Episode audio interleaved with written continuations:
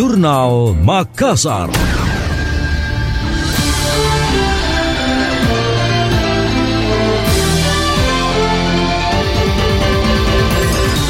Wali Kota Makassar dan Pomanto memprediksi kondisi perekonomian pada 2023 akan lebih sulit dari masa ekonomi saat Perang Dunia di masa lalu. Hal itu dipicu potensi empat bencana yang bisa terjadi seperti bencana populasi, bencana alam, bencana pandemi, dan bencana geopolitik. Dani Pomanto memaparkan hasil penelitian dari para peneliti tiga perwakilan universitas terkemuka di Amerika Serikat ditambah peneliti dari UGM dan ITB di mana pemicu krisis lantaran jauhnya jarak antara masyarakat dengan kebutuhan pangan. Berdasarkan hasil penelitian tersebut, dia menyebut Makassar merupakan salah satu kota terbaik untuk mengatasi krisis yang diprediksi akan terjadi. Dani menyebut ada dua konsep yang akan diusung menghadapi kemungkinan tersebut, yakni menggunakan konsep sel ekonomi dan pendekatan adaptif ekonomi.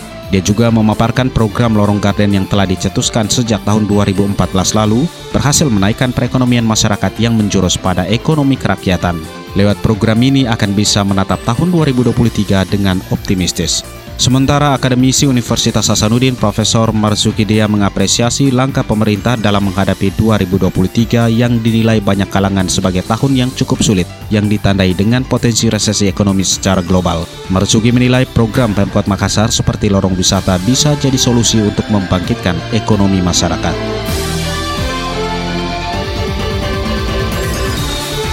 Dunia investasi seiring waktu mengalami kemajuan, salah satunya ditandai semakin meningkatnya jumlah investor di Sulawesi Selatan.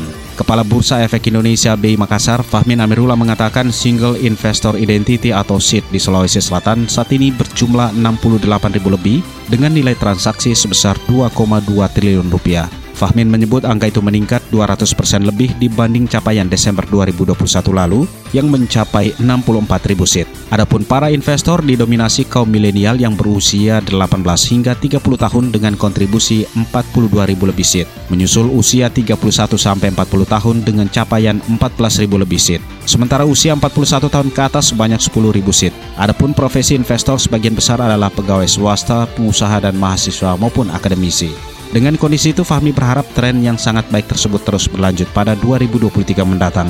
Optimisme ini didasarkan semakin baiknya literasi keuangan di tengah masyarakat. Selain itu, BI juga terus mengupayakan sosialisasi mencegah masyarakat terjebak dalam investasi bodong.